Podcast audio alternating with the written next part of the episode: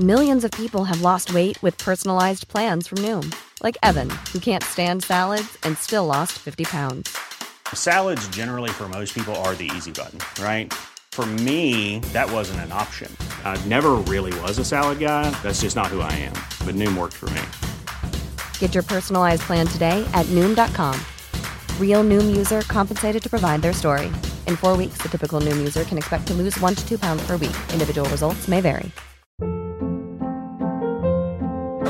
Hold up. What was that? Boring. No flavor. That was as bad as those leftovers you ate all week. Kiki Palmer here, and it's time to say hello to something fresh and guilt-free. Hello Fresh. Jazz up dinner with pecan-crusted chicken or garlic butter shrimp scampi. Now that's music to my mouth. Hello Fresh. Let's get this dinner party started. Discover all the delicious possibilities at hellofresh.com. Quality sleep is essential. That's why the Sleep Number Smart Bed is designed for your ever evolving sleep needs. Need a bed that's firmer or softer on either side? Helps you sleep at a comfortable temperature? Sleep Number Smart Beds let you individualize your comfort so you sleep better together. JD Power ranks Sleep Number number 1 in customer satisfaction with mattresses purchased in-store. And now, save 50% on the Sleep Number limited edition Smart Bed for a limited time. For JD Power 2023 award information, visit jdpower.com/awards. Only at a Sleep Number store or sleepnumber.com.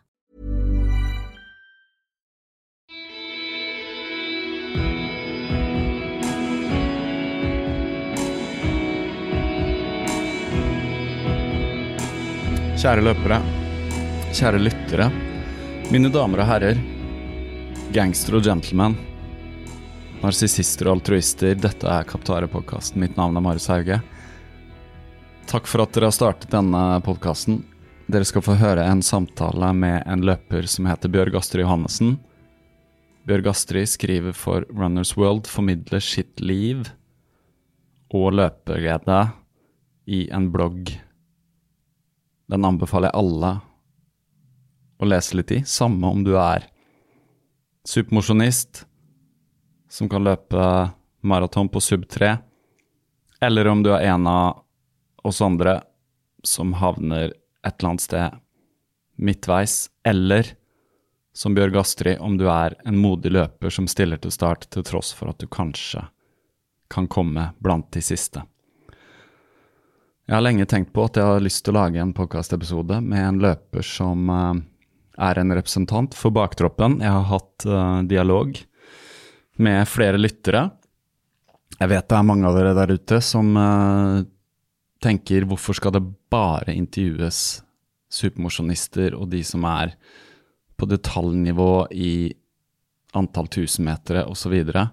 Det er viktig, men det er også viktig å la de som er usikre, som ikke vet om de våger å gå ut der og i det hele tatt løpe en tur fordi jeg er kanskje redd for at noen skal se på det og tenke hva i all verden er det en løper?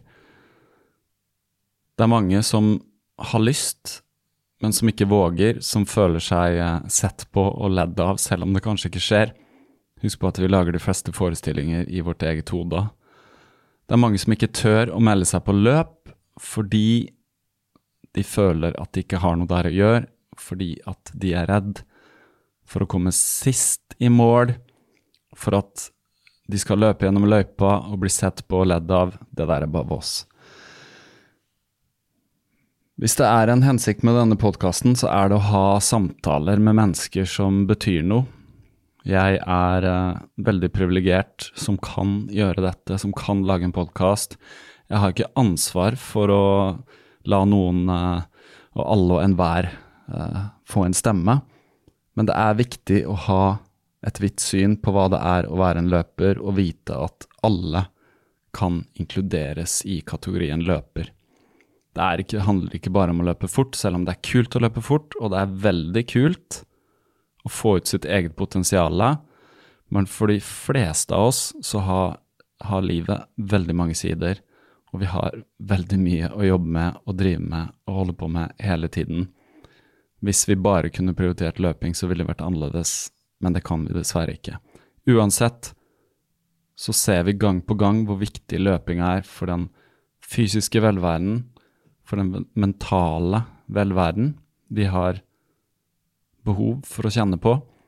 Det er veldig godt for oss mennesker å komme seg ut, komme oss ut, løpe, se at vi kan, se at vi kan bli bedre, vite at det kommer opp- og nedturer i løpet av treningssykluser, i løpet av løp. Det vi vet, er at vi har så mye mer i oss enn det vi tror. Og hvis ikke man kjenner på sine begrensninger, så vet man aldri hvor de går. Sånn er det bare. Det gjelder flere ting enn bare løping.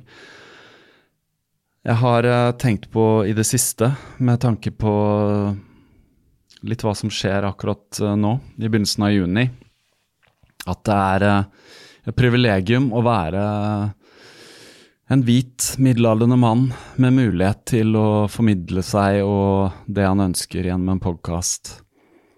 Det er uh, slik at det kan nesten sammenligne litt med at hvis å bestige Mount Everest med sine 88 48 meter Hvis det er meningen med livet, så befinner vi alle oss allerede i basecamp på langt over 6000 meter.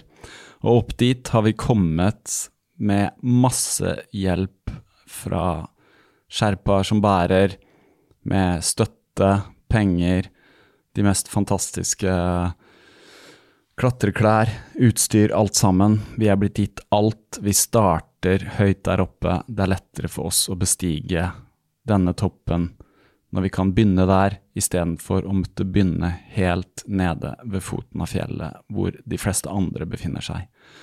Som å bruke enormt mye ressurser og krefter på i hele tatt å komme seg opp halvveis. Vi er eh, ekstremt privilegerte alle sammen. Vi bor i et fantastisk rikt land. Vi er kanskje ikke enige om alt som skjer her, men alt i alt så har vi det veldig godt. Vi har veldig mange muligheter alle sammen. Vi kan reise hvor vi vil, vi kan gjøre nesten alt vi vil. Og vi har det materielt sett helt fantastisk. Vi har i overflod. Men når vi er der vi er, så har vi også et ansvar. Helt klart. Og det tror jeg er en viktig jobb framover, både for oss på et personlig nivå og på et større nivå, at vi blir oss vårt ansvar bevisst, og at vi ikke bare vise solidaritet, men kan også bidra med noe av det, de ressursene vi har, om det er fysiske ressurser, midler eller mentale ressurser, ikke minst. Vi har muligheten til å gjøre denne verden til et bedre sted, men vi må gjøre noe og ikke bare ha solidaritet, men kunne rett og slett endre våre vaner og vite at selv om det er lettere å snu ryggen til, selv om det er fint å kunne poste et svart bilde i sosiale medier, så er det viktig at hver eneste dag vi har et blikk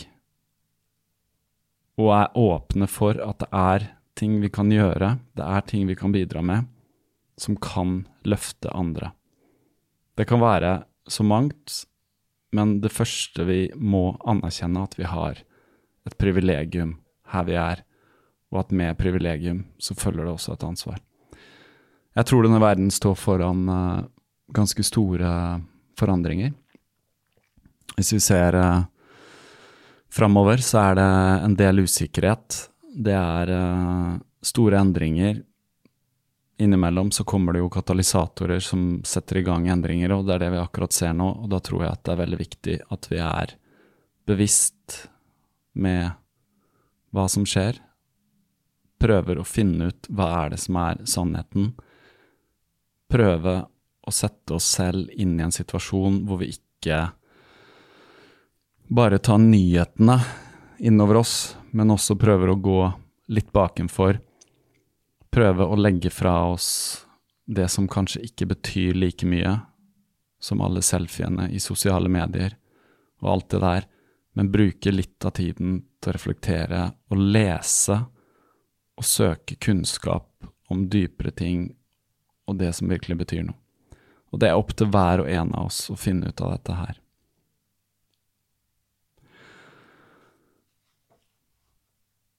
Jeg har uh, hatt en veldig fin måned i mai hva gjelder uh, løping. Jeg har uh, løpt helt på gefühlen hele tiden. Jeg har hatt flotte opplevelser gjennom stier, opp bakker. Jeg har løpt tidlig, jeg har løpt sent. Jeg har løpt med min datter. Vi fikk endelig løpt gjennom Ecotrailer på ti kilometer. Det var en veldig flott opplevelse som uh, vi fikk til på hennes premisser, som hun ble glad for. Jeg er veldig stolt av henne.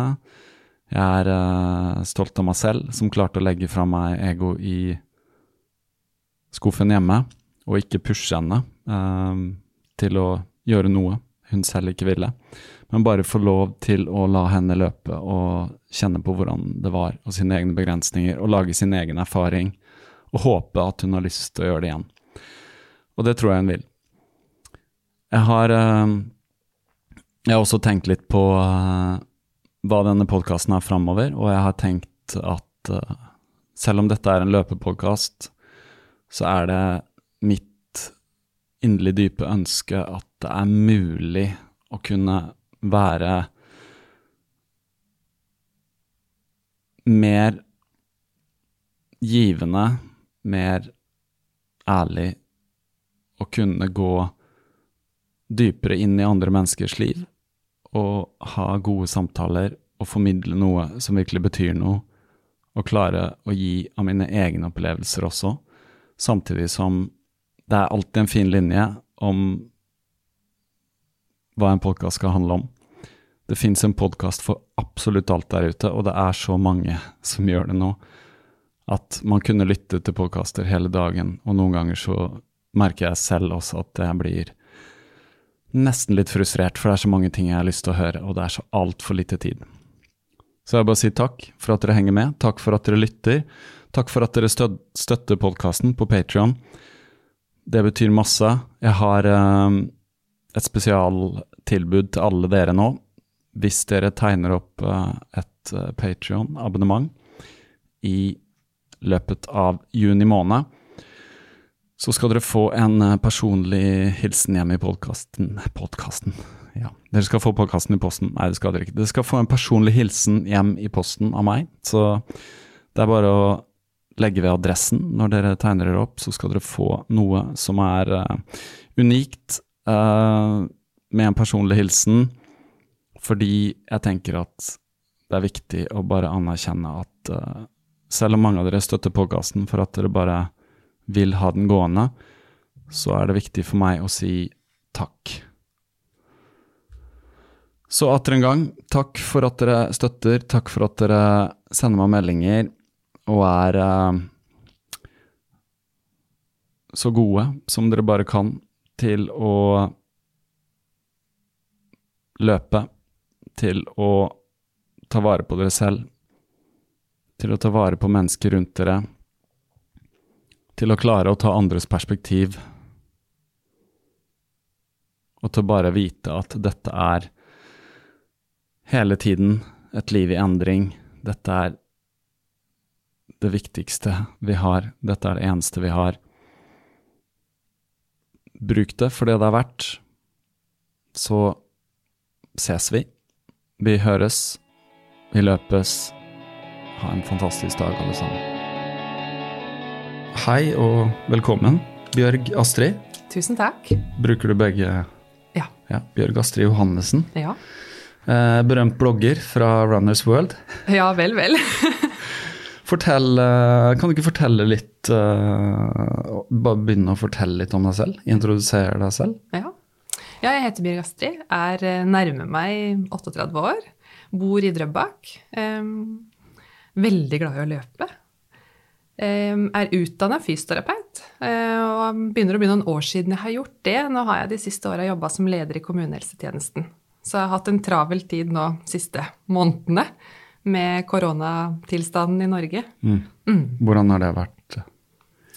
Nei, det slo jo litt ned som lyn fra klar himmel for oss. Vi var jo ikke Når man begynte å høre om det på media her i begynnelsen av mars, eller begynnelsen av året, da, men i mars så gikk det jo opp for oss at eh, nå skjer det noe vi ikke helt har forberedt oss på.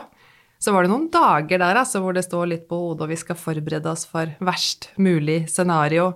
Hvordan skal vi klare å drive tjenester med veldig få folk på jobb? Så det var eh, Ja. Mm. Vi har planlagt for mye nå som vi har god nytte av fremover. Mm.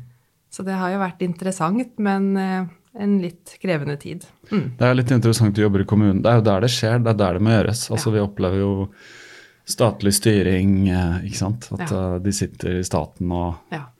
Folkehelseinstitutt og, og sånne ting, men det er jo kommunene, altså det er der arbeidet skjer, da. ja. Men nå har det ikke blitt så ille som uh, det kunne vært. Nei. Men allikevel så ble det vel en byrde, og ikke bare det at Men at man må omstille seg, da. Så Mm. Ja. det mentale er plutselig et helt annet bilde. Og så var det jo sånn helt på vippepunktet til at det ble veldig krevende, da. Og så plutselig så begynte det å snu igjen. Så vi var jo der hvor vi hadde litt få folk på jobb en periode, og hadde planlagt for hvordan vi skulle klare å ta imot pasienter i kommunen med koronasmitte. Og ja, hvordan vi skulle klare å drive dette med veldig få folk på jobb. Vi hadde ganske mange i karantene en periode, så ja. Men så heldigvis, da, så har Norge vært veldig flinke. Så vi har jo klart å berge det så langt, i hvert fall. Mm. Vi har det. Um, ja, alt har, tiltak har fungert. Så må vi bare håpe at uh, Ja, vi får se litt framover hva som skjer nå. Mm. Fordi, men nå, nå er det jo sommer, som visstnok er en god ting i forhold til sånn Ja. eh, hadde, vært, eh, dette hadde, hadde dette skjedd på høsten, så hadde det sikkert vært litt verre, Mm. vil jeg tro. Men eh, at det er en fordel at det er varmt og ja. Nå kan vi være sammen utendørs, Mm. og det hjelper jo mye, da. Ja. Mm. Så, og så lærer vi hele tiden nå, sånn som eh, min kone hun leser veldig mye og er veldig informert. Altså, hun sa jo at eh, altså det er veldig mye tryggere å være utendørs enn hvis du er innendørs over lengre perioder Ja. sammen, så er det det som er liksom største smittekilden. Det er ikke så farlig som man trodde med å ta på et dørhåndtak og, og sånne ting. Nei.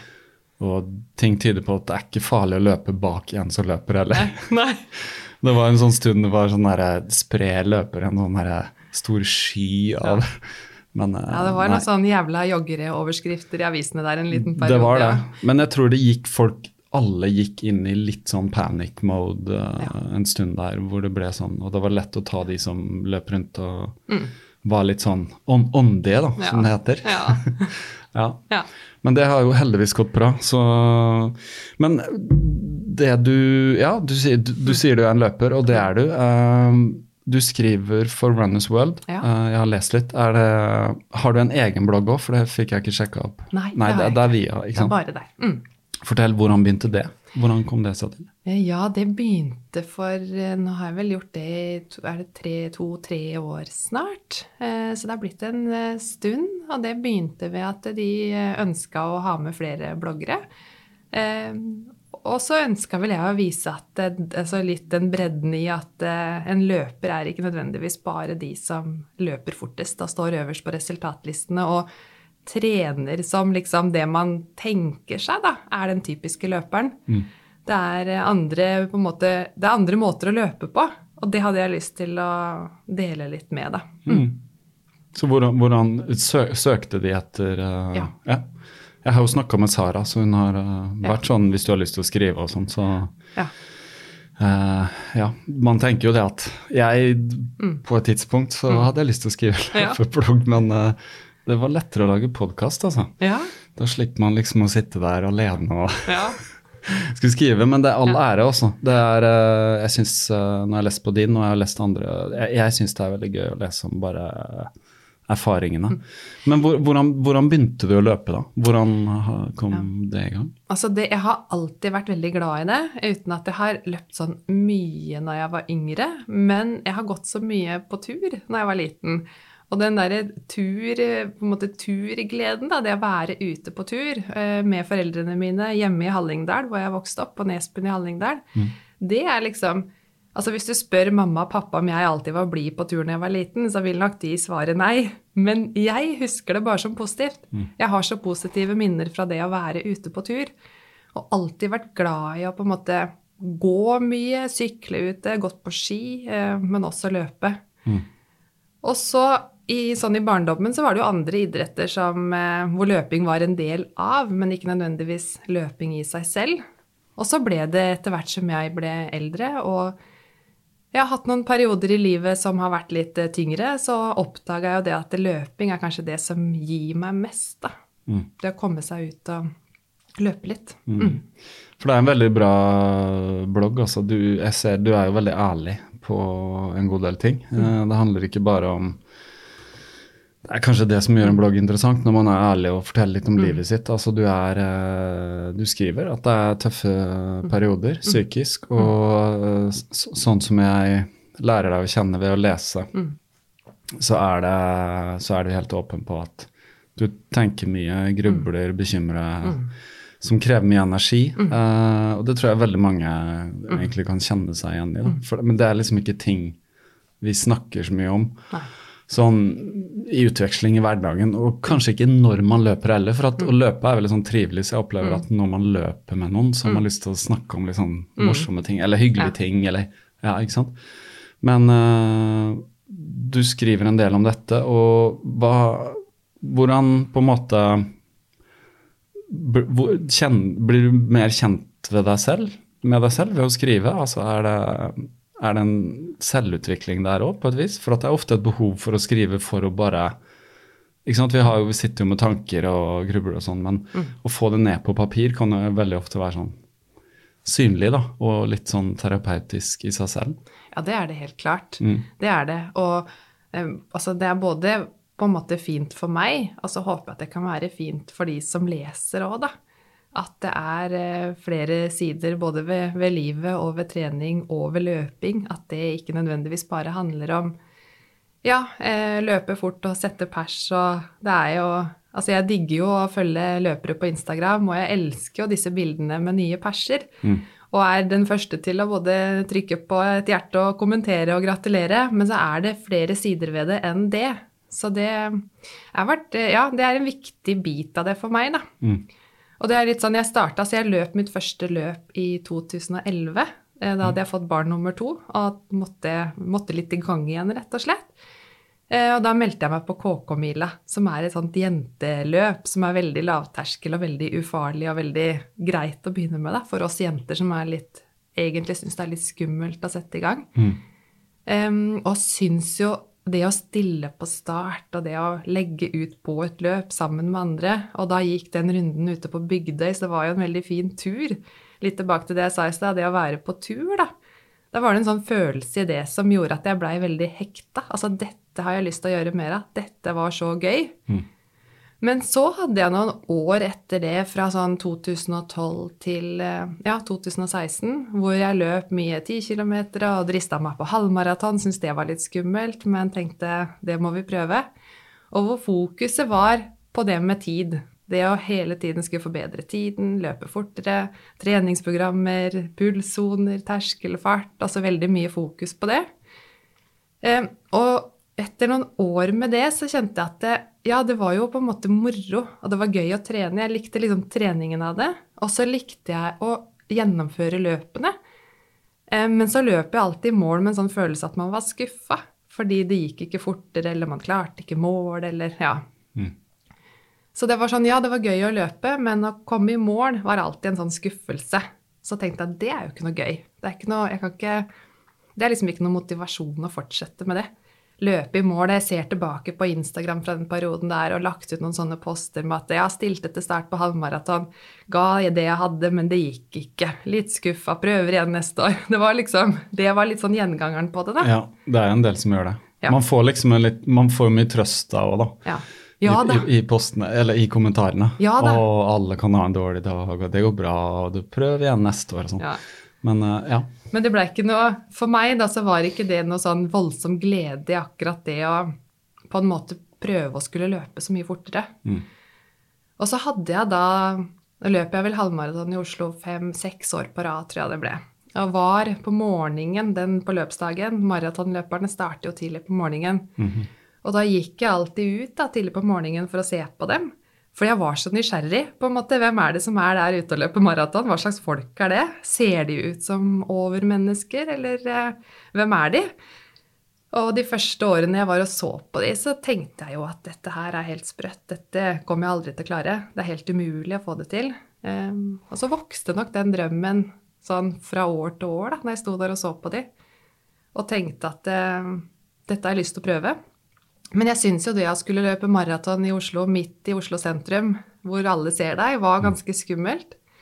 Så jeg oppdaga en Det var vel i mai i 2015, var det ikke da Ecotrail ble arrangert første gang i Norge? Jo, det er sant. Jeg Ja. løp det året. Først, mitt Ja. første løp. Ja. Og da var ikke jeg med, men jeg leste om det etterpå.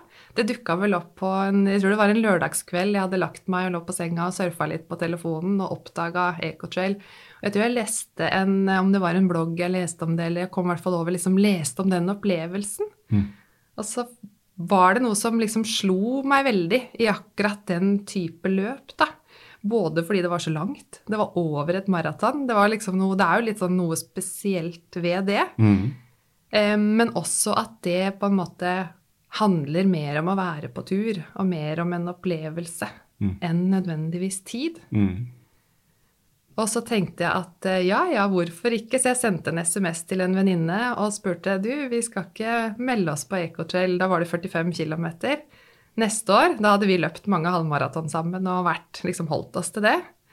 Og hun er sånn som hopper på før noen rekker å tenke, så hun svarte etterpå, to minutter etterpå klart vi gjør, nå har jeg allerede meldt meg på. Oi, ja, ok. Så da, og da var det jo for seint å si jeg bare tulla. Vi gjør det ikke allikevel. Men da fikk du en bekreftelse da, på at uh, ja. Ja. ja. Så Så, og det var uh, andre, andre året Ja. de arrangerte? Ja. 2016. ja. Og det var for meg noe helt annet enn å løpe 10 km og halvmaraton i, i gateløp. Det var en helt annen opplevelse. Det var så moro. Jeg tror jeg aldri har hatt det så moro som jeg hadde det den dagen, samtidig som jeg aldri har vært så sliten og hatt det så vondt heller. Så det var jo en sånn god, Men god hvordan, hvordan forberedte du deg til et så langt løp, da? Du, det var jo eh, ikke sånn 100% optimale forberedelser, fordi jeg hadde jo da et år på meg, da. Mm. Og det lengste jeg hadde løpt når jeg meldte meg på, det var jo disse Da hadde jeg løpt halv- halvmaraton seks ganger. Så det var liksom det jeg hadde i bagasjen av lange distanser. Men jeg begynte å løpe eh, noe mer, altså litt flere dager i uka, litt lengre turer. Jeg tror i påsken det året, der var det vel en halvannen måned igjen, så hadde jeg en langtur på 25 km og var, altså, lå på stuegulvet etterpå hjemme og var så sliten. Og tenkte hvordan i alle dager skal jeg klare 20 til om bare halvannen, halvannen måned? Og i terreng. I terreng, ja. Det er mye terreng. Veldig mye terreng. Og det hadde jeg ikke løpt sånn veldig mye, og ikke så mye motbakker heller. Men øhm, Så jeg hadde ikke mer enn Jeg hadde to sånne, én på 25 og én på 30 km. Og det var det jeg hadde gjort av langturer da, før den dagen. Men det gikk jo. Det gikk jo sakte, og det gikk jo Jeg, jeg brukte vel åtte og en halv time på å gjennomføre. Men jeg hadde en sånn det gikk ganske bra i begynnelsen, og det var fint vær, og det var eh, ganske så greit. Og så nærma jeg meg Fossum etter rundt 30 km. Da hadde jeg en sånn ordentlig sammenbrudd på matstasjonen der. Med, ja, skikkelig. Da var jeg så sliten, og jeg var så uvel og svimmel og Var du, løp du alene da, eller? Ja, jeg Ja. løp alene. Jeg starta jo sammen med hun venninna mi, Ja. som var bedre form enn meg da, så hun løp ifra meg mellom Sørkedalen og Fossum. Ja. Og da satt jeg der, og så begynte det å regne, og det var ordentlig sånn stusslig. Men så tenkte jeg at eh, jeg må jo bare fortsette. Jeg kan jo ikke gi meg nå. Det er jo Jeg kan jo fortsette å gå. Jeg må jo ikke løpe hele veien. Og om, altså jeg skal jo på et eller annet vis klare å komme meg til mål. Og det var en sånn på vei ut fra Fossum da, når det re- pøsregna og jeg var sliten og lei, men også syntes det var så gøy, som jeg tenkte at dette her, det passer meg mye bedre da, enn disse løpene hvor det er om å gjøre å løpe fortest mulig. Men da var du ganske alene i den løypa, kan jeg tenke meg, eller? Ja, ganske alene. Du blir tatt igjen av noen på 80 På 80, km, ja, men det begynner jo å bli tynt da. Ja. Så det er ikke så ofte lenger da, Ja, men av og til så kommer en og annen 80 km løper forbi da. Ja, ja. Var det noen som sa noe, eller? Ja, og det er det som er så fint vet du, med Ecotrail, er Mm. at folk tar seg tid til å prate sammen. På disse lange distansene i Mm. hvert fall, da, så er det jo ikke sånn at du har ikke, du har ikke så dårlig tid at du ikke du kan slå av en prat. Så det er jo nesten ingen som løper forbi deg uten å si hei og spørre hvordan går det, Mm. har du en fin tur? da? Og det var det jeg syns var så fint med det. Det er jo helt, helt annerledes. Når du løper halvmaraton i Oslo, er det ingen som snur seg og spør hei, hvordan går det med deg? Nei, da er man veldig sin egen. Ja. Ja. Det blir veldig fokus på tid å holde fart og bare neste stasjon med vann og norskhet har en gel, eller Ja, ja. Og det er litt samme med maraton òg, for det Ja. går jo ganske fort for de fleste. Absolutt. Ja. da var det jo Jeg ble jo tatt igjen av eh, si, kjente løpere da, som man har sett på Instagram og vet at det er gode ultraløpere, og til og med de stopper opp og slår av en prat og spør hvordan du har det. og- Så det er jo helt, helt annerledes. Det er det. Men har du gjentatt uh, Ecotrail? Ja. Ja. Hvert år etterpå. Hvert år etterpå? Mm. Ja. Så nå har jeg løpt 50 km de to siste årene. ja. Så du, ja, det var 45, og så ble det 50. Så Ja. du har løpt uh, tre ganger, da? Fire. Fire, ja. Selvfølgelig. For det har vært arrangert fem. Mm. Det er sterkt. Jeg har ikke kommet meg så langt ennå. Bare, Jeg har, ikke, jeg turt å gå til 30. Da. Ja. Men uh, jeg har hele tiden tenkt at den, den der 50 må jeg ta en, uh, en gang òg. Men man har lyst til å klare å løpe i mål. da. Jeg er litt sånn, uh, På 30 så er det Jeg synes det er tøft nok på slutten der. jeg. Men det er jo fordi man løper, altså man blir veldig kjørt av det terrenget i 20 km. Så man løper fra Sørkedalen til Lysaker, egentlig. Men det er jo bare å sette ned farta, vet jeg, så går det jo bra. Ja, så er det lov å gå. Det er det. Og det er jo Altså, jeg løper jo ikke 50 km i strekk. Det er jo ikke altså, Det har jeg ikke sjans til. Mm. Så det er jo lov å gå, og det er jo lov å bruke tid. Mm. Man kan jo bruke ganske lang eh, tid på Mm. å likevel komme seg i mål. Og jeg har vel brukt eh, Ja, jeg har brukt Det har liksom ligget mellom åtte og ni timer når jeg har gjennomført en 50 km. I fjor var det vel rett over åtte. Mm. Så det er jo en hel dag, det, med bare kos og glede. Ja. Og du løp det året det var ekstremt varmt òg. Ja. Ja. 2018, ja. vel. Det var det første året hvor det var 50 km. Ja. Så det var, Det var tøft nok, det, altså. Ja, det var det. Det var det. Men det er klart, det er nok tøffere da for de som skal løpe fort, da, enn det det er for Mm. Ja. meg som Altså, jeg tok meg til og med tid til å hoppe ut i et med Bogstadvannet når jeg Ja, kom ned der. du det, ja. Da var jeg så kokt og varm. Så da hopp, hoppa jeg ut av skoa og ta- kasta meg i vesten, og så løp jeg ut i vannet og tok en liten dukkert. Ja, ja. Mm. Det, jeg, jeg la meg i Lysakerelva. Ja. Bare la meg ned på Ja. ja. Bare holdt skoa over, men dyppa meg. Det, var, det var ekstremt varmt. Det var veldig varmt. Ja, det var mange som sleit den dagen. Det var, eh, men der vet jeg snakk om å Det var folk som valgte å ikke løpe, for de visste at de hadde ikke sjans til å gjøre en god tid og sånn. Og det er den der litt sånn Kan si at det er en litt sånn defensiv holdning, da. Mm. Og jeg har vært med på det selv. altså eh, Det var vel i fjor. Jeg skulle på halvmaraton, som jeg også har hatt som tradisjon da, i Oslo. Eh, men hadde kom, kom hjem fra Italia og fikk sånn en eller annen bakterieinfeksjon og bronkitt og var ganske sånn Kunne ikke løpe på en stund og sånn. Kom aldri i form, og da bare valgte jeg å løpe ti isteden. og det er sånn Det er litt den der Jeg orker ikke løpe et halvmaraton hvis ikke jeg kan i hvert fall løpe sånn cirka like fort som jeg pleier å løpe. da. Så ja. Og det er jo mange som tenker sånn. Ja, ja. Og jeg syns jo det er veldig moro òg, og det er jo viktig å si, da. Altså, for meg så er ikke det viktig å løpe altså tiden, og jeg husker ikke sånn på minuttet tidene mine heller, jeg husker sånn cirka-tider. Eh, Men jeg syns jo det er så gøy med de som har lyst til å på en måte forbedre tidene sine og får det til. Og som jeg sa i stad, jeg gratulerer på Instagram og syns det er kjempegøy. Så det er jo veldig gøy. Men det må ikke være sånn. Og jeg tror det er mange som tenker at ja, men hvis ikke jeg kan løpe maraton under sånn og sånn tid, så er, kan jeg ikke stille. Eh, og det kan du. Og det tok jo lang tid før jeg turte å løpe maraton. Jeg syntes det var veldig skummelt. Og så løp jeg første maraton i Oslo i, ja, det var i 2018.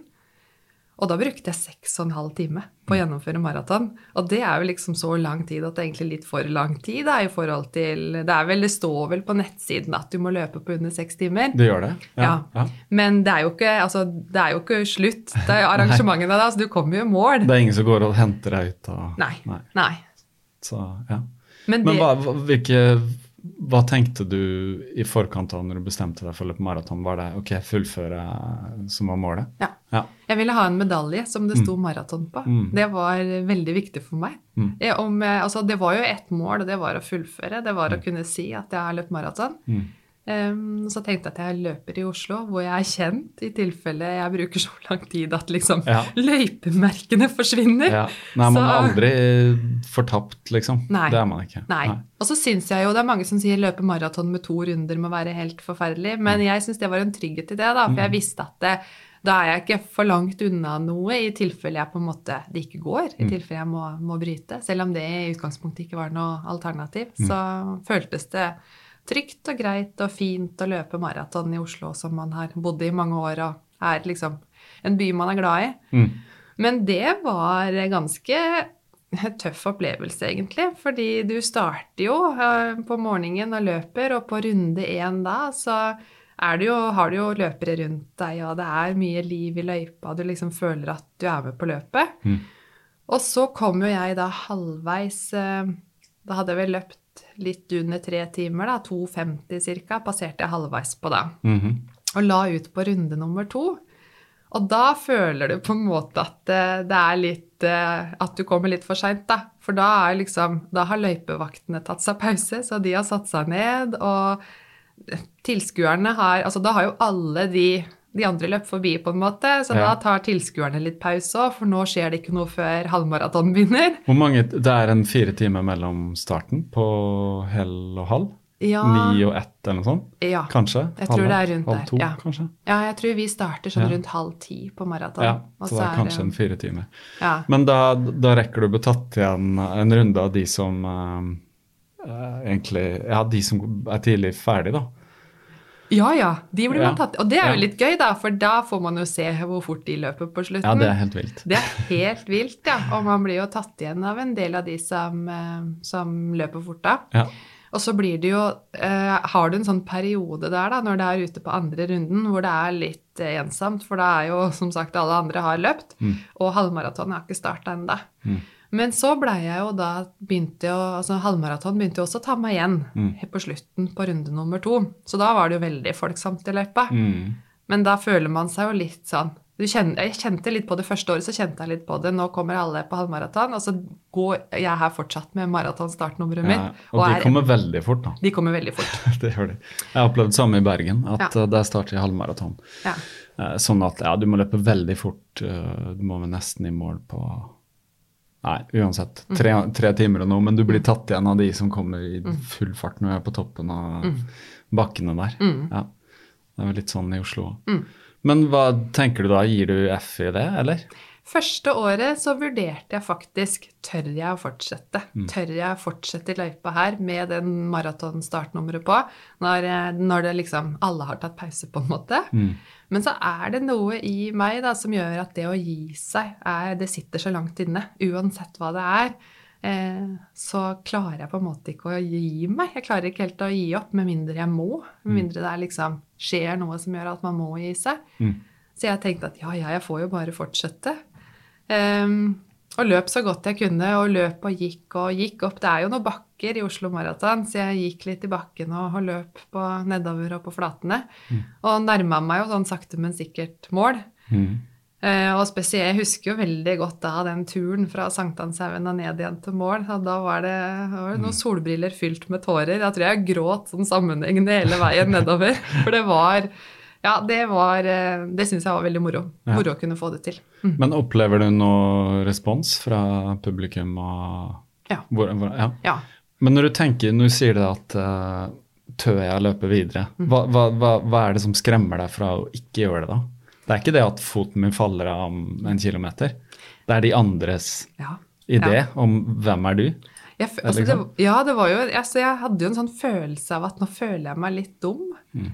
Når jeg løper her, og hvem er det jeg liksom tror jeg er? Og her prøver jeg å innbille meg sjøl at jeg er en maratonløper, og så er alle snart i mål, på en Mm. måte. Det er litt Mm. mer den følelsen, da. Så man måtte over en liten sånn kneik på det. Mm.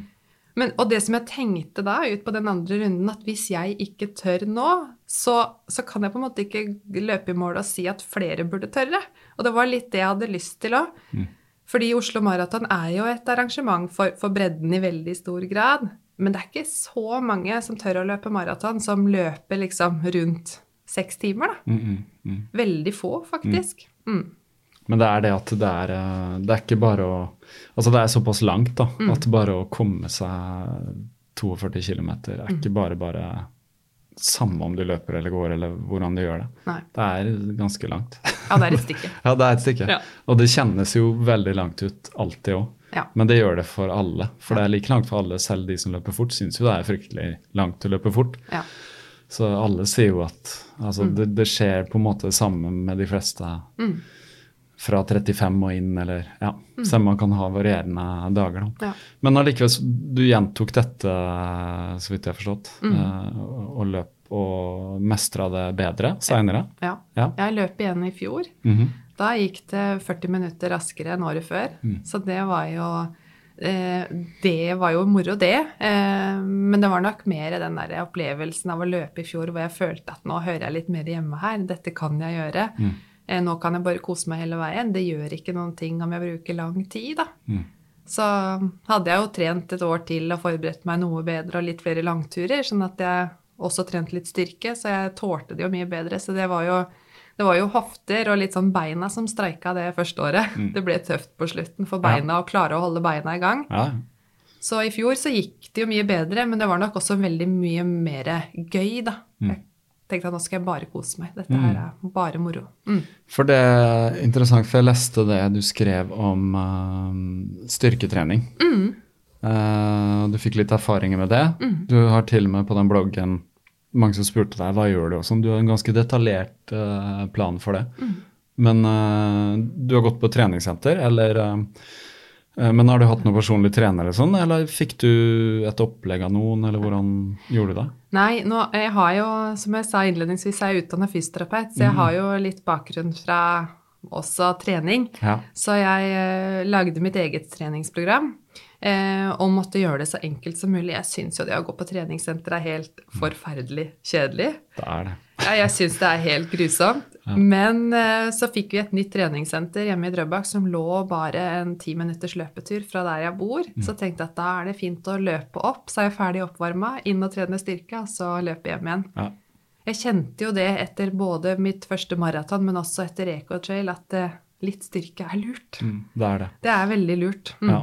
Vi har snakka en del om det her, og du ser jo alle løpere har jo et styrkeprogram i tillegg. For det, Selv om vi vil bare løpe, det ser jeg du skriver òg, du vil bare løpe, du vil ikke tenke på intervallene, du vil ikke tenke på liksom terskelen, eller sånn, selv om du har lært deg det, for det er mye lettere å bare gjøre det. Men mm. for alle som har løpt maraton, uh, også trener mot maraton. Jeg trente mot maraton hadde liksom de 30 pluss-turene, så så du kjenner hvor sliten du blir i svake muskler. da. Altså det, det er veldig tydelig, Særlig hoftene, den klassiske hvor vi ikke er så sterke. Men det skal ikke mye til for å styrke det. Men det er det å gidde, da. Å gidde å gjøre det jevnlig også. Så du, hadde, du klarte å gjøre det såpass ofte at du kjente resultater, rett og slett? Ja, jeg bestemte meg for nå skal jeg gjøre dette to ganger i uka. Ikke noe mer og ikke noe mindre. To ganger i uka så skal jeg klare å dra og gjøre disse øvelsene. Og det tar jo ikke så lang tid heller. Jeg var jo inne på treningssenteret 40 minutter kanskje. Jeg var litt effektiv. da Jeg tar litt lite pauser. Det er om å gjøre å liksom bli ferdig. Ja. Men det, man merker kjempeforskjell. Mm. Etter bare tre måneder med styrketrening, så var det jo noe helt annet å løpe langtur. Mm. Og det er jo, for meg så var det jo hofter og litt knær, men spesielt hofter og kjernemuskulatur. Jeg Mm. sank jo bra sammen på slutt når jeg, når jeg løp maraton. Ja, du, jeg, jeg så du skrev om det, og du har sett noen bilder av deg selv langs Lysakerelva òg. Ja. Beskriv de Var det- første året, eller var det andre, eller? Det var fra det første året jeg løp Ja. 50 Ja, ja, km. ja. Så sitter det noen fotografer vet du, som sitter og knipser fine bilder. Og det var langs Lysakerelva så så jeg ganske bedrøvelig ut, altså. Det var liksom knekk i hofta, knekk i ryggen. Mm. Skikkelig Ja. Det, du, man så på de bildene at jeg hadde det litt tungt, da. Mm. Så ja. Og det er jo veldig vanskelig å løpe når man faller litt sånn sammen eller er sliten i de musklene. Fordi løping i seg selv krever jo en Altså det krever hele kroppen på mange måter. Man tenker at det er beina og har gode bein og sånn, men ja, kjernen viktig. Eh, kanskje ikke så mye overkropp, men litt der òg. Ja. Men det med hofter og setemuskulatur, særlig når det er mye opp og sånn, opp og ned, Ja. krever jo sitt. Ja. Kjenner jo det. Så Men vi deler det der eh, programmet ditt i podkastnotatene. Så det, jeg sliter også med styrke hver gang jeg har sånn langløp, EKTL 30 eller maraton. Så er sånn det, det, Kondisen er god, men det står litt på styrken i beina, så jeg sliter med å løfte, få det gode løftet på slutten av steget og sånn. Alltid. Og det har så mye å si på Ja. slutten av de lange løpene. Er du litt sterkere i beina da, så er det så mye Det blir en mye bedre opplevelse òg, da. Mm. Da er det på en måte ikke det som begrenser deg på slutten. Mm. Så ja, nå har det jo vært stengte treningssenter og litt vanskeligere å få det til. Jeg har jo prøvd meg på hjemmetrening. Det er nok ikke like lett. Det krever liksom litt mer eh, motivasjon. Ja. Og ja, Det er helt enig sette i gang med ja, det. Ja. Jeg må liksom gå inn på et annet rom, og så, ja, så er det litt sånn der ja, nei, jeg, jeg har gjort det på gulvet her noen ganger. Da. Ja. Når jeg først er her i studio, og så bare sånn, har sånn kjernemuskulatur du egentlig bare kan utføre uten. Men uh, beinstyrke, men beinstyrke kan man også Man kan gjøre en del uh, utfall, knebøy og sånn uten vekter òg, Ja, faktisk. absolutt. Så, som gir såpass belastning at, eh, at det holder. Men det er veldig lett å gjøre det. Du har brukt sånne på en måte faste apparat med for å ta bein og sånn òg, eller? Ja, jeg har Ja. brukt eh, altså med vektstang Ja. eh, på bein. Men Eh, ikke sånn fri vektstang? Jo, fri ja, vektstang, Okay, ja. Ja, ja. Da får man mest eh, Altså i forhold til det å trene litt stabilitet i muskulaturen, så er det det aller, aller beste. Og så kan man legge på litt ordentlig med vekter, så det blir tungt nok. Mm, Men det er som de sier, i forhold til å trene for løping, så er det jo mer enn nok å gjøre øvelser med egen kroppsvekt og, og få gjort det. må få gjort masse på det. Ja. Så det er liksom ikke det at man må på treningssenter heller. Men for meg var det lettere, da. For Mm. da hadde jeg sånn ja, det var, Jeg hadde to faste dager i uka. Mm. Da skal jeg løpe opp der og gjøre de øvelsene, og så løpe hjem igjen. Og jeg får ikke lov å dra på ordentlig løpetur den dagen før jeg har vært der og trent styrke. Nei, ikke sant? Det var liksom, Jeg måtte lage meg en sånn da, for å få, det, for å få det gjennomført. Ja, det, Fordi- det skjønner jeg godt. Det er liksom, ja, To dager i uka, så løper du dit, så er du varm, og så gjør du det, og så løper Ja. du hjem eller en ja. Smart, altså. Eh, men fortell litt mer om, uh, om deg selv, da. Uh, familie. Du fortalte meg før vi begynte her at du en dat uh, har en datter. Én eller to, eller? Jeg har én datter. Ja. På, hun blir tolv år i år, og så har jeg en sønn som blir ti år. Ja. Så det er under to år imellom dem, så det er to tette. To ganske tett, ja. Mm. To, du hadde to bleie, bleiebarn. Ja. Det var heftig det mens det sto på, men så Ja, går det jo fort over, da. Så blir Ja. den perioden litt mer komprimert. Men det var ikke så mye løping da? Eller du sa 2011, ja, ikke sant? Så da var det de Mellom barn nummer én og to så rakk jeg på en måte aldri å komme i gang, fordi ja, jeg var jo, altså, datteren min var jo ikke mer enn et år før jeg var gravid igjen, så da eh, Det gikk litt tett, men eh, jeg begynte igjen da når han minstemann var noen måneder. Mm. Putta han i sånn løpevogn og trava rundt i Drøbak. Da var det mest gåing i begynnelsen. Med sånn vogn og bakken i Drøbak, så var jo det supertrening. Mm. Ja, det skal man ikke undervurdere. Eh, effekten av å bare gå mye. Gå fort, egentlig. Bakker. Slitsomt nok, det, med å pushe en vogn opp der. Oh, ja. Når jeg kjørte rundt med barnevogn, så var ikke jeg blitt en løper. Men det var mye rundt på Løkka, det er ikke så mye bakker. sånn. Bare sånn. Men uh, det du er litt uh, Du har ikke skrevet så mye om det, men du har skrevet litt om uh, Når vi kommer inn på det her helhet og sånn, fordi du skriver litt om perioder. Du, du er veldig menneskelig, da. Det er vi jo alle. Men kjenner meg igjen på et nivå, liksom perioder hvor ting flyter går bra. Man er veldig fokusert på eh, tall, altså det man kan måle. altså Distanse per eh, løpetur, hvor mye man samla på en måned, høydemeter, hvor mye klarte jeg i år kontra i fjor. og så bygger man hele tiden på, men så skriver du også at du har perioder hvor det klapper litt sammen for deg, og du må bare kaste inn håndkleet, holdt jeg på å si. Eh, og det har, så vidt jeg skjønner, også litt med Det har ikke med at nå har jeg overtrent meg og sånn, men at det er belastningen totalt av livet og sånt som gjør det, da. Og det har litt med din datter å gjøre, så vidt jeg forsto du skriver at hun er syk. Uh, har noe kronisk. Ja. Er det noe du kan fortelle om, eller? Eh, Det er på en måte hennes historie, men Ja. eh, hun har slitt psykisk noen år. Um, og det har jeg også gjort i mange perioder av livet mitt. Så hun har hatt noen tøffe år, som da For å være mamma da er jo noe av det tøffeste du er med på, tror jeg. For det er eh, Når barna dine ikke har det bra, så, så er det på en måte ikke noe annet som betyr noen ting, da. Så for meg har det vært veldig sånn altoppslukende og ja, i perioder vært på en måte det eneste jeg har klart å tenke på. Um, og så er jeg nok sånn som person så um, Mange sier 'Å, du er så tøff som kaster deg ut på løp, og du gjør det, og du står på og jobber', og Men jeg føler meg ikke så veldig tøff, da. Jeg føler at uh, den psykiske helsa mi ofte er litt sånn på et balansepunkt som er um, Jeg har hatt perioder i livet hvor den har vært helt uh, ute å kjøre, hvor jeg har vært skikkelig dårlig. Og så er det mange perioder hvor den er Hvor jeg føler meg ganske sterk. Um, og der har, jo, har jeg jo etter hvert skjønt at det som på en måte gir meg veldig mye styrke, også psykisk, det er jo den løpingen. Det er den mestringen som jeg opplever gjennom det.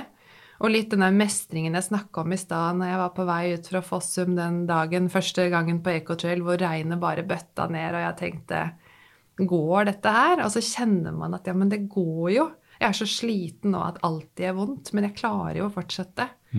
Og akkurat den opplevelsen har jeg tatt med meg mye videre, da, når det liksom butter sånn imot at du har lyst til å legge deg ned og bare trekke putta over hodet og, og bli der. Så har jeg tenkt at ja, men hvis jeg bare Noen skritt til. Jeg klarer det. Altså noen skritt til, og så litt til, og så Ja. Men også det her med ambisjonsnivået, da. At eh, man Ambisjonsnivået på løping er å på en måte ha gode opplevelser. Og litt sånn har det blitt i livet òg, da. Det trenger ikke å være perfekt. Man trenger ikke å få til alt. Det er viktig for oss å ha de, de gode opplevelsene. Nei, det er helt klart. Uh, Jeg kan sammenligne meg selv noen ganger, men jeg tenker Løping er veldig konkret, uh, veldig målbart. Og noen ganger så kan man ta seg en pause hvis man er litt sliten og sånn. Men hvis man har noen i livet, eller du snakker om det med barn, og når det er tøft for barna, så er det ikke noe annet som betyr noe. Det kjenner jeg godt igjen. altså. Eller det kan være et annet familiemedlem eller sånn. Men det kan være veldig utmattende, for det, det kan bare gå og gå og gå og gå. Altså, hvor man ikke kommer ut altså Man kan ikke bare liksom Nei, nå stopper jeg løpet og setter meg ned og spiser næringsbar. og drikker altså Det er veldig sånn utmattende bare fordi at det er så utrolig noe som preger deg hele tiden. da. Uh, og da skjønner man hvor godt syke og fysikken henger sammen. For når psyken ikke har det bra, så blir fysikken lidende. Men så kan man kjempe seg litt opp og jobbe litt med fysikken, og så styrker man psyken. Men det er en veldig fin balanse der, da. Som gjør at man eh, ja, må passe på. Eh, Sannelig ikke enkelt, og ikke noe sånn Det er jo ikke noe oppskrift på sånn fikser vi det. Fordi at uh, det er så mye vi ikke vet. Altså hvorfor Har du, har du noen gang tenkt på hvorfor du sliter psykisk, eller bekymrer deg eller grubler, eller ha, har du søkt svaret på disse tingene? Har du, jeg så du siterte Finn Skårderud og sånn, så du har kanskje lest litt Ja. blant annet, eller? Ja, jeg har lest Altså, man blir jo på en måte opptatt av det når det har vært en del av livet så lenge. Um, men jeg vet ikke om det fins noen svar på hvorfor det ble sånn. Og jeg har vel egentlig kommet til det punktet at det er ikke nødvendigvis det som er viktig heller, å finne årsaken til hvorfor. Eh, for det blir litt å, å finne et sted å plassere skylda for at det ble sånn som det ble, da. Eh, og det gjorde jeg jo lenge. Tenkte at hvis jeg bare vet hvorfor, hvorfor er jeg sånn, og hvorfor har datteren min hatt det sånn, så kan, jeg løse, så kan vi løse det. Em, og så har jeg vel nå det siste året vært, eh, heller prøvd å snu det litt til at uh, sånn er livet vårt nå. Uh, jeg klarer ikke å skru på en bryter. og jeg har nok gått veldig mange år nå og bare venta på at det skal bli bedre. Man liksom, åh, nå er det litt bedre, Kanskje det blir litt bedre neste uke. Kanskje, kanskje da. Og så blir det ikke det. Så nå er det vel viktigere for meg å tenke at eh, sånn er livet. Vi må kose oss med det likevel, da. Vi må ha de gode opplevelsene likevel. Selv om hun er syk, og selv om jeg har det tøft. Både med at hun har det sånn, men også på en måte min egen syke, så er det viktig for meg å Ja, da må vi Vi må lære oss å leve med at det er sånn, i stedet for å hele tiden nødvendigvis finne årsaken til det, eller finne liksom knappen å trykke på, da. For den, den tror jeg ikke fins. Mm. Så ja. Men er det Har dere um, har du, Snakker du med noen om dette? Har du gått til psykolog og sånne ting? Har du hatt disse prosessene uh, i, i perioder av livet ditt? Ja, Ja. flere ganger. Ja. Og det tror jeg er viktig, å be om litt hjelp. Det er jo fint å få noen andres øyne på det til å sette ting litt i perspektiv. For det er klart at når man er helt uh, Når man er så sliten at eh, da, da, ser, da klarer man ikke å se på det sånn som jeg snakker om det nå, da. Og jeg hadde i, i fjor i, så var det et ganske tøft år for oss, eh, spesielt for datteren min, og etter hvert da ble det det for meg òg, for det prega meg så mye. Og jeg ble så sliten til slutt, og det var mer sånn psykisk sliten, da, at før jul så var det helt eh, kollaps. Og det var en ekkel opplevelse. Jeg opplevde at jeg ble så glemsk, altså sånn fryktelig glemsk. Jeg eh, kjørte bil til jobben og gikk hjem. Oi. jeg gikk på butikken med og skulle handle og huska ikke koden på bankkortet mitt. Mm. Gikk ned på butikken fordi jeg mangla én ting til middag. Det er tre minutter å gå ned på butikken. Og så står jeg der og tenker hvorfor, hvorfor er jeg her? Hva var det jeg skulle her? Og, ja, jeg skulle kanskje handle noe til middag, men jeg husker ikke hva det var. Jeg kom også hjem fra jobb en dag, og vi har sånn dørlås, sånn elektronisk kodelås på døra hjemme på huset. Og jeg huska ikke koden til dørlåsen vår heller, og den har liksom vært den samme koden nå i ganske mange år, da. Og, og turte vel ikke helt å liksom ringe mannen min heller og spørre hva koden til dørlåsen var. Så jeg satte meg ned og venta på sønnen min da, at han kom hjem fra skolen. For jeg tenkte han, han husker jo det. Mm. Og det er jo veldig skremmende å kjenne at det liksom kortslutter litt. Mm.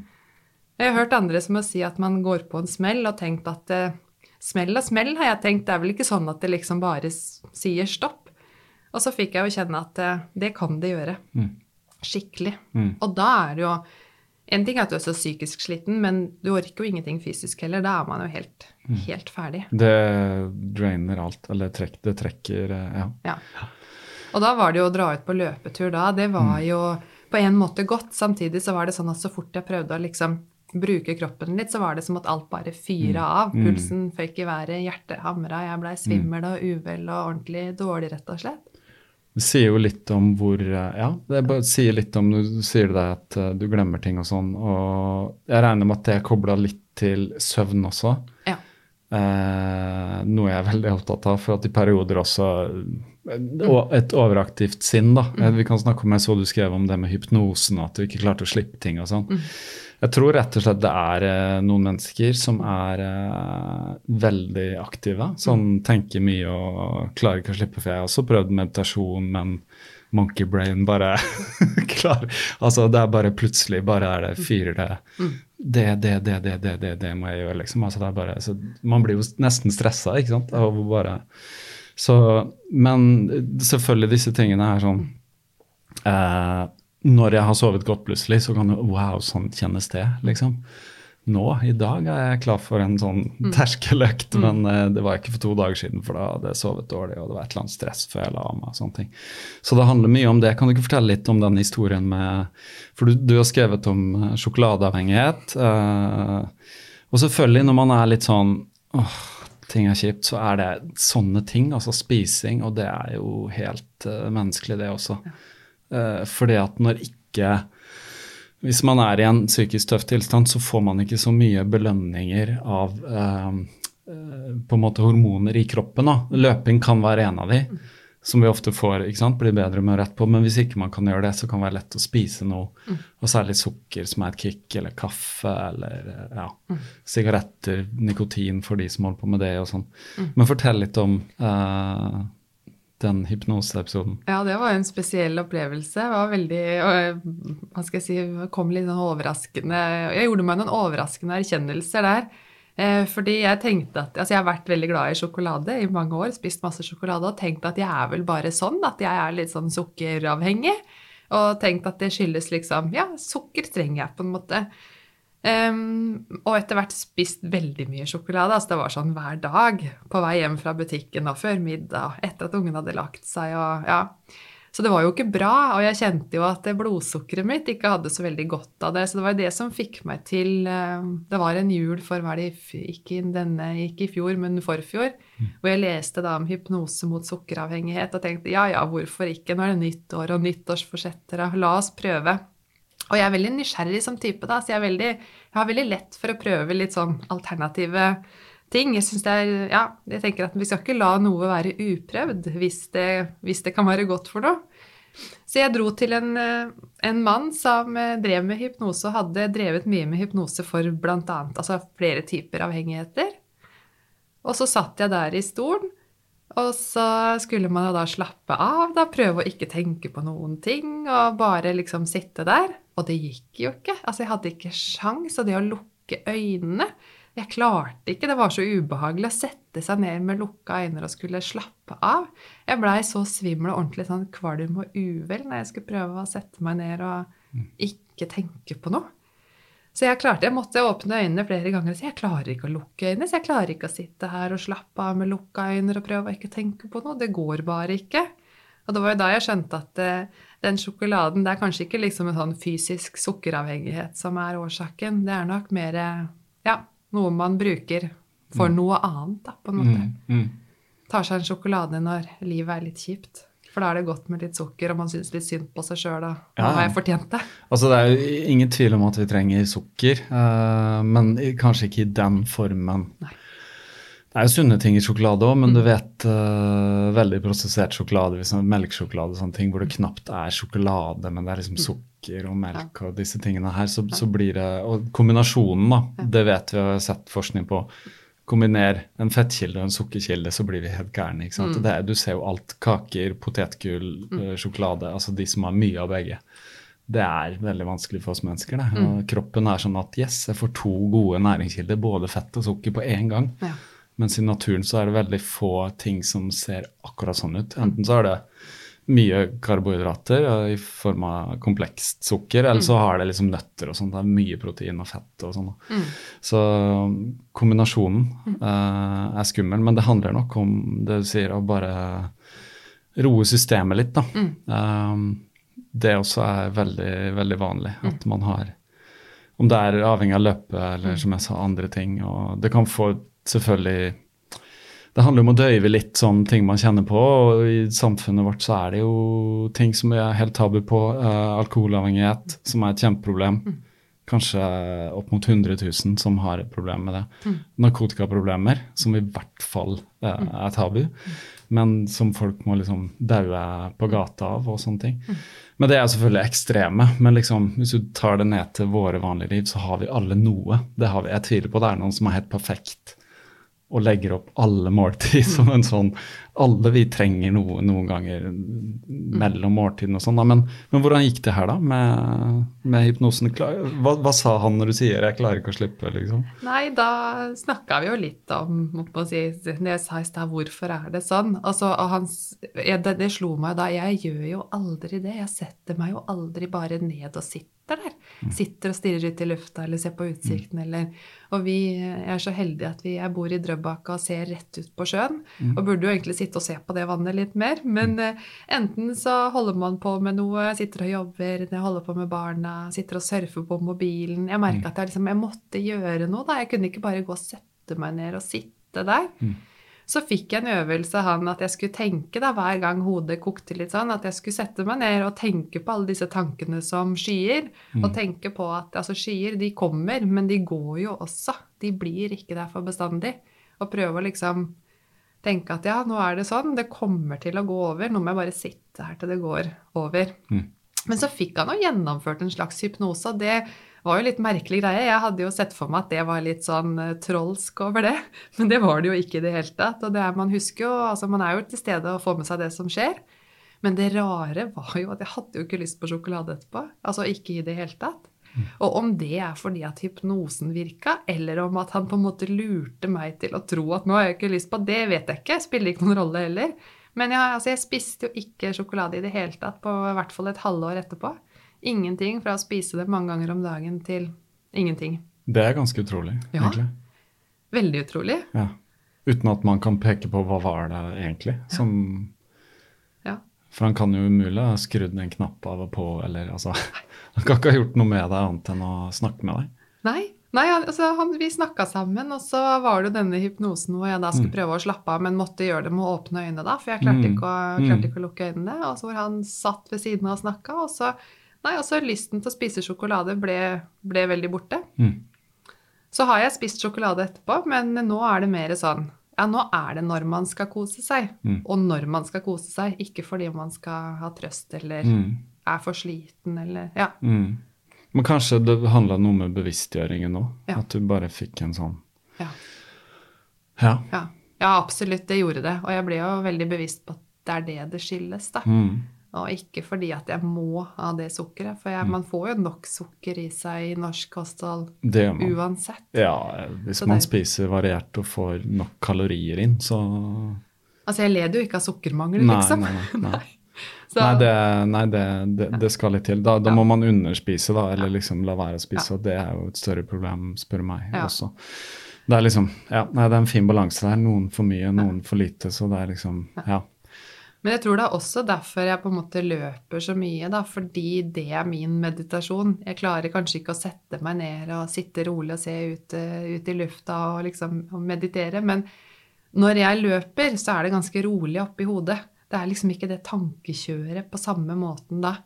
Det roer seg veldig der oppe, og det tror jeg er fordi at jeg koser meg sånn ute på tur. Altså jeg, det er dørstokkmila. Ja, jeg kan være sliten innimellom, og dørstokken kan være litt høy fordi jeg er sliten.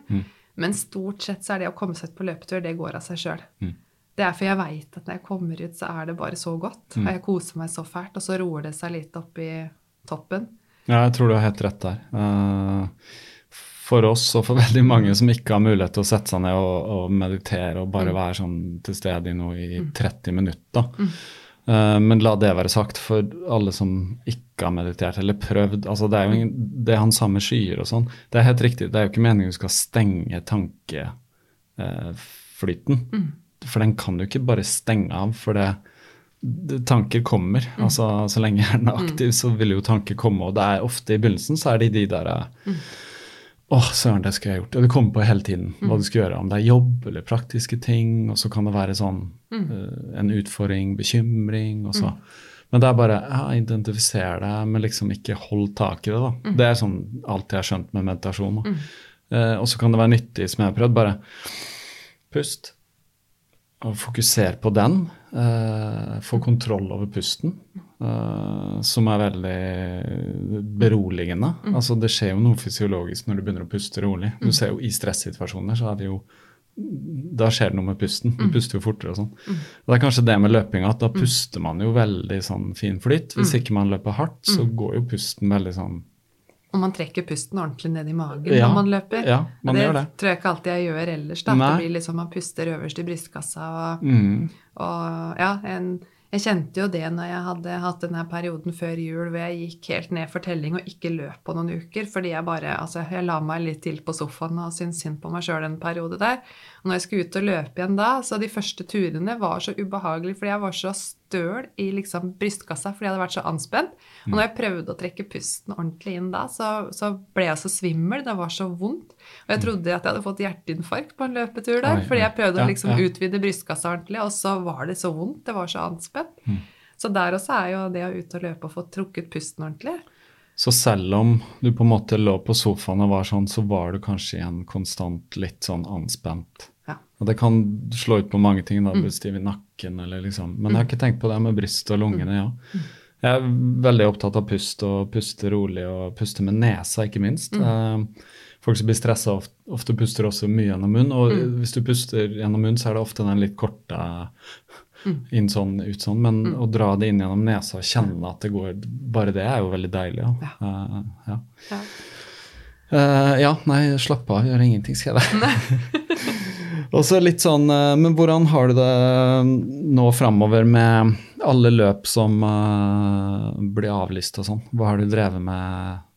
Du har holdt på med litt Runners World Challenges og sånn, har jeg sett. Ja. Det er jo en ting eh, som har eh, bredd veldig om seg, da, om det er en times utfordring eller en høydeutfordring eller eh, ja, sånne ting. Ja. ja, det syns jeg har vært kjempegøy. Det har jeg fått masse motivasjon av. Og igjen så har jo det vært sånn for min egen del. Da. Det blir jo en sånn konkurranse mot seg sjøl. Det er- passer meg kanskje bra. Det å ikke liksom konkurrere nødvendigvis på en resultatliste på den måten, men det å liksom sette noen nye rekorder for seg sjøl og tøye noen grenser og eh, Ja, så jeg har vært med på det nå av de månedene som, som det har gått, og samla flere kilometer enn jeg har gjort før. Men også prøvd meg på litt nye ting. Da. Jeg prøvde meg på sånn høydemeterutfordring. Hadde på himmelspretten her mål om å samle 1000 høydemeter på én dag, og det er jo ikke så mye, det.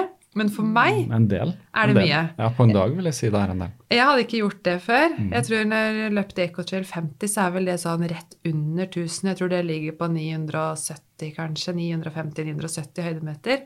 Så jeg hadde ikke gjort det før 1000 på én dag. Og det var jo ja, det var jo slitsomt, men også veldig gøy. Da. Så det er sånn som jeg får sånn god følelse av å liksom klare, klare noe nytt.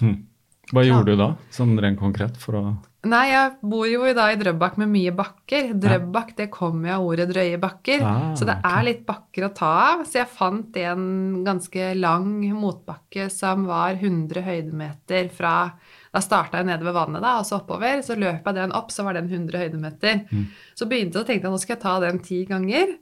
Em, og etter fire-fem turer så blir du jo ganske sprø av den bakken, Mm. så det var litt sånn Og så ble det ganske tungt for knærne å løpe ned igjen. Mm. Én ting var opp, men å løpe ned ble ganske krevende. Mm. Så da måtte jeg ut på litt lengre turer, bare for å få liksom litt mer variasjon. Mm. Og så var jeg litt tilbake til den bakken igjen på slutten og tok noen runder opp der. Men jeg Mm. holdt da på i ja, fire og en halv time tok det vel å Mm. få samla disse 1000 høydemeterne. Det er jo litt av en jobb, det. ja. Og da var jeg sliten. Ja, ja. Skikkelig sliten etterpå. Helt ferdig i beina. Jeg tror aldri jeg har tatt 1000 på en dag. Så vidt jeg vet. Jeg tror ikke jeg har vært med på en løp som har eh, Nei. Nei. Og det er, ja, nei, det, det er bra, det. Jeg ser det. Det er mange, Hvis du følger med på Instagram på løpere, så er det mange som har prøvd seg på mye forskjellig. Jeg så noen som har hatt noen sånn eh, Everest-høyder og sånn. Ja. Det, Ja. det står det respekt av. ja, veldig. Ja, det er jo helt, eh, helt vilt. Men Ja. for oss andre som liksom ikke er der, så er 1000 veldig bra. Så det er, det er flott at det kommer en del sånne. Det er mye, mye virtuelle løp. Jeg har faktisk ikke gjort noen. Jeg har, ikke, har ikke følt behov for det egentlig sånn. Det kan være litt forskjellig hva man har lyst til, men uh, jeg tenkte jeg skulle prøve meg på uh, Jeg skulle egentlig vært i Stockholm og løpt Ecotrail, Ja.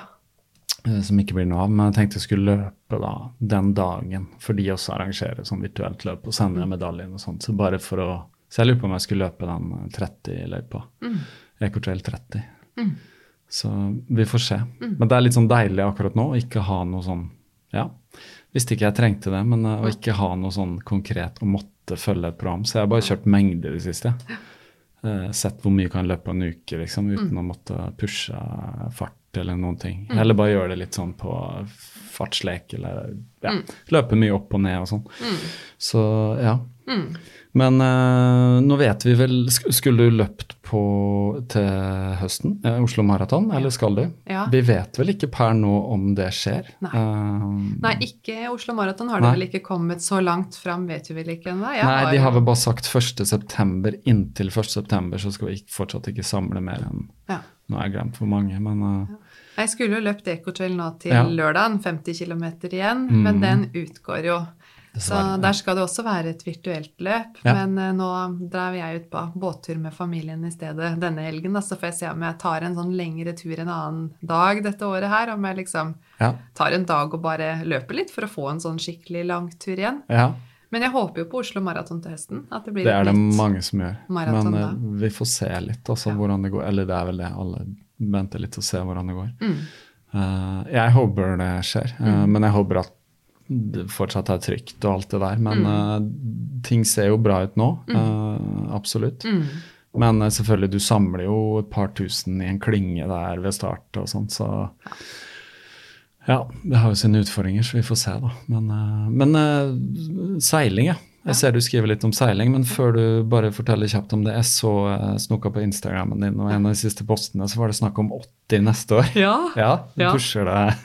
ja jeg, For du skulle løpe 50 i år, og så hadde dere planer om 80 neste år. Ja, en, det er litt sånn som jeg snakka om den drømmen om maraton. Så har jeg også hatt en sånn drøm fra jeg løp Ecotrail det første året. Så er det jo ikke sant, Når du blir tatt igjen av disse 80 km-løperne, så syns man jo at de er, eh, ja, det er rått å se når de kommer, kommer så langt ut i sitt løp, da, og fortsatt holder det gående. Mm. Så det også har jo trigga en sånn nysgjerrighet i meg i hvor langt kan jeg klare å løpe Mm. med mine forutsetninger og på en måte ja, det er min fysikk og, og min form. da. Altså, Mm. Jeg kommer jo aldri til å klare å løpe så fort, men kanskje jeg kan klare å løpe veldig langt. Mm. Så jeg hadde bestemt meg for at nå skal jeg ta den 50 km en gang til, så jeg liksom blir litt tryggere på det, og så 80 neste år. Mm.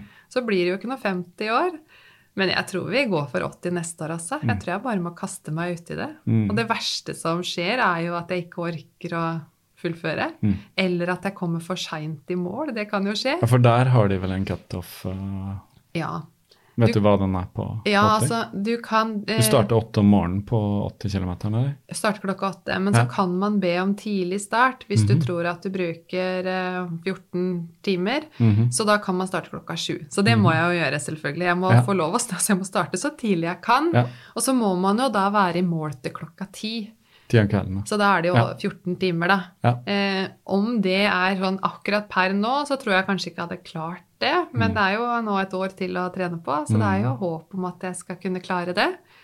I verste fall så tenker jeg at eh, jeg kan jo fullføre likevel om jeg skal komme i mål klokka 11-12 og alt er over og pakka ned. Så kan jeg jo kanskje klare å fullføre. Mm. Og hvis jeg sender en mail til Ecotrail etterpå og spør pent kan jeg få den medaljen i posten, jeg Mm. har fullført, så Ja, kan legge ved Strava eller en fil eller et eller annet sånt.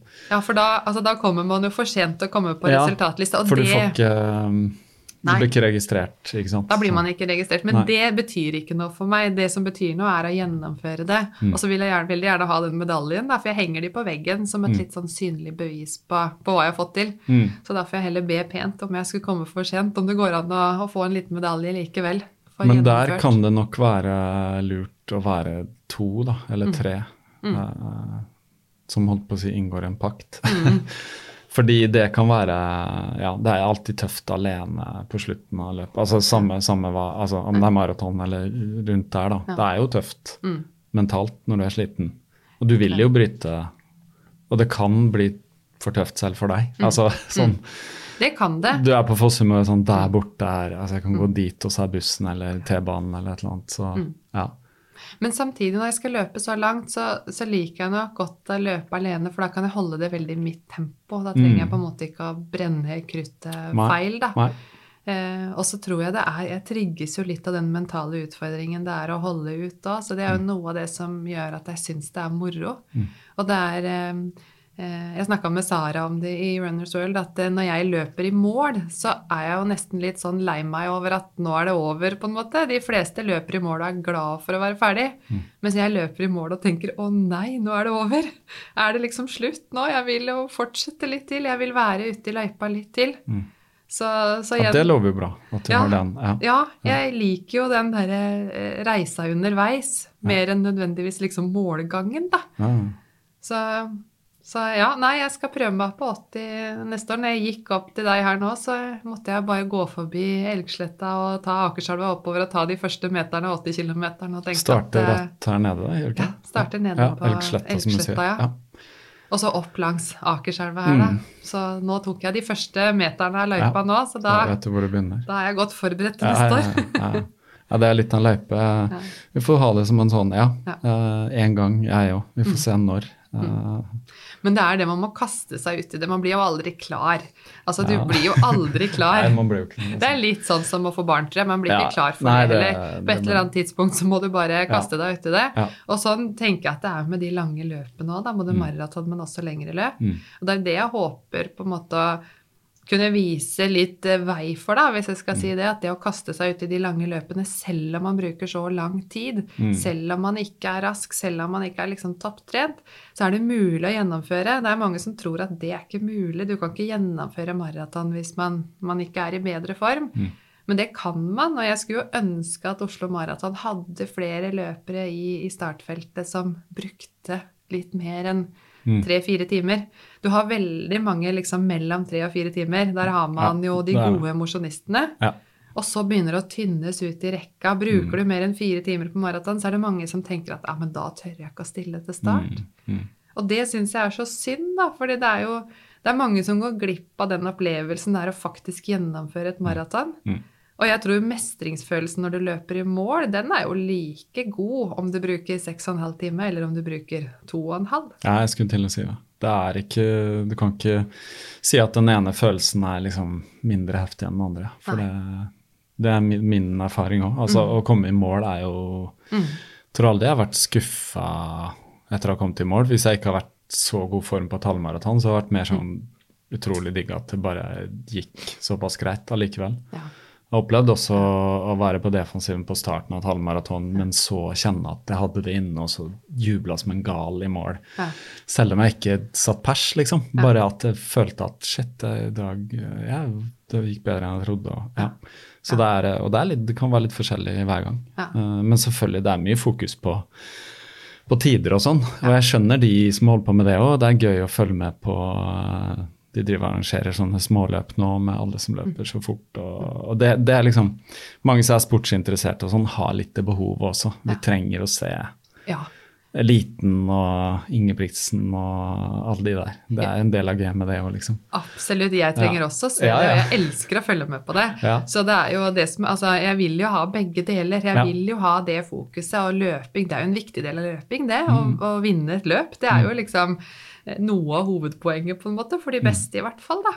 Mm. Men det er jo en promille som kan vinne et løp, Ja. liksom. Altså ikke det engang. Ja. Men det jeg på en måte Så- ønsker å liksom snakke høyt om, er jo det at eh, det er bra, men man skal tørre å stille selv om man ikke gjør det. Nettopp. nettopp. Og når jeg løp eh, EcoTrail 50 første gangen, så fikk man jo så mange kommentarer etterpå. ikke sant? 'Å, du er så rå. Hva har du laget av?' Mm. Altså, det viser jo det at det er mange som tror at det å løpe 50 km er sånn overmenneskelig greie. Mm. Men det er det jo ikke. Og ja, man er kanskje litt rå på det mentale i det å holde ut, Mm. og det å liksom bestemme seg for at dette skal jeg. Der må, man må jo ha lyst. Mm. Du kan ikke løpe 50 km og ikke ha lyst når du står på start. Da blir det, da blir det tøft. Det blir det. Ja. Men det er som du sier, det mentale. Jeg tror veldig mange undervurderer hva de Ja. faktisk kan få til. Ja. Eh, med litt trening, da. Ja, og man kan Altså, det, det, lønner seg alltid å trene litt på noe, om du har lyst til å gjennomføre noe. Men det trenger liksom ikke, som du sier, du trenger jo ikke å være topptrent. Nei. Nei. Og så kan du gjøre det, og så kan du se shit, dette må jeg bli bedre på, litt mer styrke her. altså Kanskje, ja. Og det er jo fint med sånn løp som Ecotrail. Der blir du heia på på Mm. slutten, Mm. selv om du har brukt Mm. lang tid. da. Du blir lagt merke til, og det er eh, Nå i fjor kom jeg vel i mål litt sånn Jeg følte at det var liksom litt over inne på Salt når jeg kom inn, eh, men, men stort sett så får man en følelse der at man er med. Man er en del av det, selv om man liksom kommer litt uti. Når du kommer inn på matstasjonen der på Fossum og har løpt i tre mil, så blir du hylla som en helt av de som står på Mm. matstasjonen der.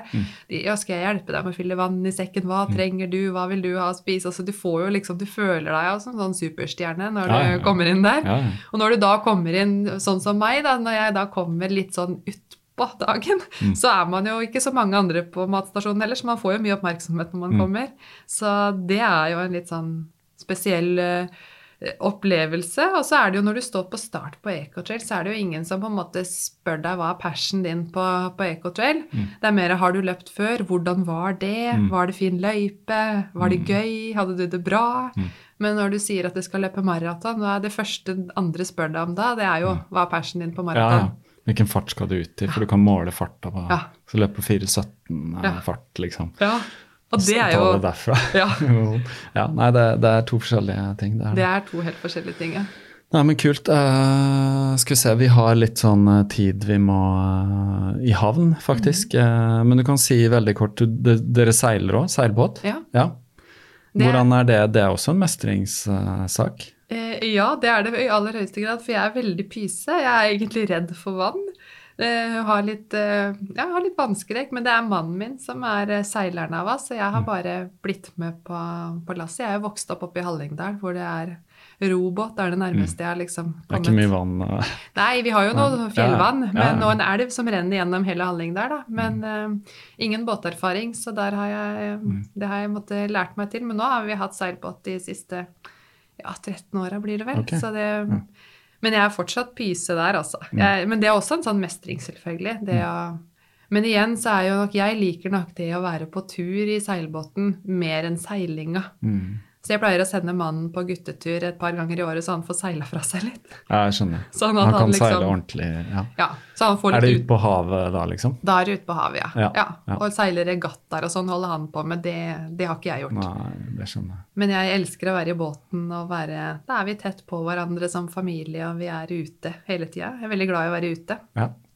Ja, det er noe med det. Jeg har ikke vært så mye seilbåt, men vært litt. For min mor hadde samboer med seilbåt, så vi Mm. seila også fra Moss og litt nedover. Det er veldig flott å være i en båt, da. Nydelig. Det er det. Mm. Eh, selv om det er lite og sånn, så i en periode så er det veldig Og det er det Mm. å bare være på sjøen òg. Ja. Men uh, det er jo ikke gøy hvis det er mye Nei. Hvis det er mye hav. eh, Nei, jeg liker ikke det. Og jeg liker å se land. Så jeg Mm. blir ikke med på noen sånne overfarter hvor jeg Nei. ikke ser land underveis. Eh, og heller ikke hvis det er mye sjø og mye vind. Så Mm. ja, da er jeg er den mest pysete av oss fire, da, så er jeg den som skriker høyest, da. Ja, ja. Men å være ute i båten Vi er jo på ferie i den og alle helger når det er båtsesong. Og det å være i båten og være liksom på tur i båten, det er helt Ja, det er noe av det beste. Mm. Og så kan man kombinere det med å løpe på nye steder. ja. Og vi har jo seila mye nedover svenskekysten, og der er det jo noen helt fantastiske områder å ut og løpe på. Så det er jo litt sånn høydepunktet for meg. Da, Jeg så det er en del kyststier nedover der. Masse. Du nevnte et løp som går Mm. Hvilket er det? Det heter West Coast Trail, heter det. Bohuslän. Ja. Så det er start nede ved Smøgen-området, nede på svenskekysten. Og så er det et løp som går gjennom Bohuslän, da, som er det området av Sverige som vi mm, seiler mye i. Mm. Og der er det helt fantastisk flott. Det er det fineste stedet på jord, tror jeg. Nå ser det jo litt dårlig ut for at vi får seila ned der i år, så Det er det. Sverige er litt uh, det er foreløpig stengt. Ja, ja, Men uh, da får det bli neste år. ja. Mm. Ikke sant. Det er jo veldig mye fin kyst i Norge òg. Veldig. Både på øst- og vestsiden. Ja. Ja. Men da eh, sier jeg tusen takk, uh, Bjørg Astrid, for at du uh, tok deg tid. Uh, vi kunne holdt på lenger, men uh, det blir gøy å følge med deg framover. hva du finner på. Og så må du ta vare på deg selv. Det kan vi alle bli bedre på. Uh, kan sikkert bli bedre på å ta vare på andre rundt oss også, men kanskje denne tiden da, kan være litt sånn litt introspektiv og ja. Det er kanskje tiden for det. Eh, det er en egen samtale, så den kan vi ta når vi kommer på andre siden og se hvor vi er. Men eh, takk igjen. Tusen takk for at jeg fikk komme. Jeg Vet ikke hvor dere har vært eller gått eller sittet og hørt på den podkasten nå, men jeg håper dere har fått uh, et bilde på at det er mulig og det er lov å løpe og stille opp i løp uten å være elite eller subelite eller supermosjonist eller noen ting. Det er rom for absolutt alle. Uh, Bjørg Astrid er uh, et vitnesbyrd på det. Så sjekk ut henne, hva hun skriver uh, på Strava osv. Hei henne fram. Vite at hun uh, har mer enn nok å stri med noen ganger. Eh, det har vi alle. Det er lov å være nede. Um, det er lov å be om hjelp hvis du trenger det. Hvis du noensinne har tenkt at uh, hvis du er noen som har kommet til denne podkasten ved å ikke hørt lenger, og noensinne har tenkt at 'jeg kan ikke, for jeg er ikke god nok', eller 'det ser ikke bra nok ut når jeg løper', eller 'jeg er for dårlig', eller uh, sånn, så er det bare Det er bare vås. Det kan jeg bare si med en gang. Det er bare vås. Du får det til. Du kan. Klart du kan. Mennesker har gått foran deg og bevist det gang på gang, så vi trenger bare gå i andres fotspor, de som våger først. Tusen takk for at dere lytter, for at dere har uh, vært med hele veien. Det er ikke alle som er det, det vet jeg. Sånn er det. Kan ikke kreve at alle er med til slutten hele tiden. Uh, det er et uh, det er et privilegium å lage podkast for dere, dele samtaler med mennesker. Nå framover så har jeg snakka med noen veldig fine folk som jeg håper kommer uh, før sommeren. Vi skal få det til å skje.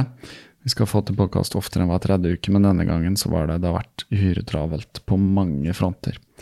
Uh, I de ukene som har gått siden sist, så har min forrige gjest Siv Garza Hillman gitt ut minst to episoder. De uh, anbefaler jeg dere å lytte til, for de var ganske morsomme. Blant annet tidlig der så snakker han om uh, Norge og Bergen og denne podkasten om meg og sett fra, med litt ironi fra det amerikanske kontinentet. Så legger vi vel link til de i påkastnotatene, og inntil videre så får dere bare ha en fantastisk uh, tid i varmen. Drikk vann, um, spis ren mat, pass på at dere får nok søvn. Vær sjenerøse med alle, mennesker og dyr, rundt dere. Men vit at vi alle har en lys og mørk side, og det er heller ingen skam. Det er slik at vi er veldig sammensatte mennesker, men jo mer vi kjenner oss selv, jo mer vi er villig til å lese og studere og reflektere over ting, jo bedre vil det bli. Det er jeg hellig overbevist om. Takk for lytten.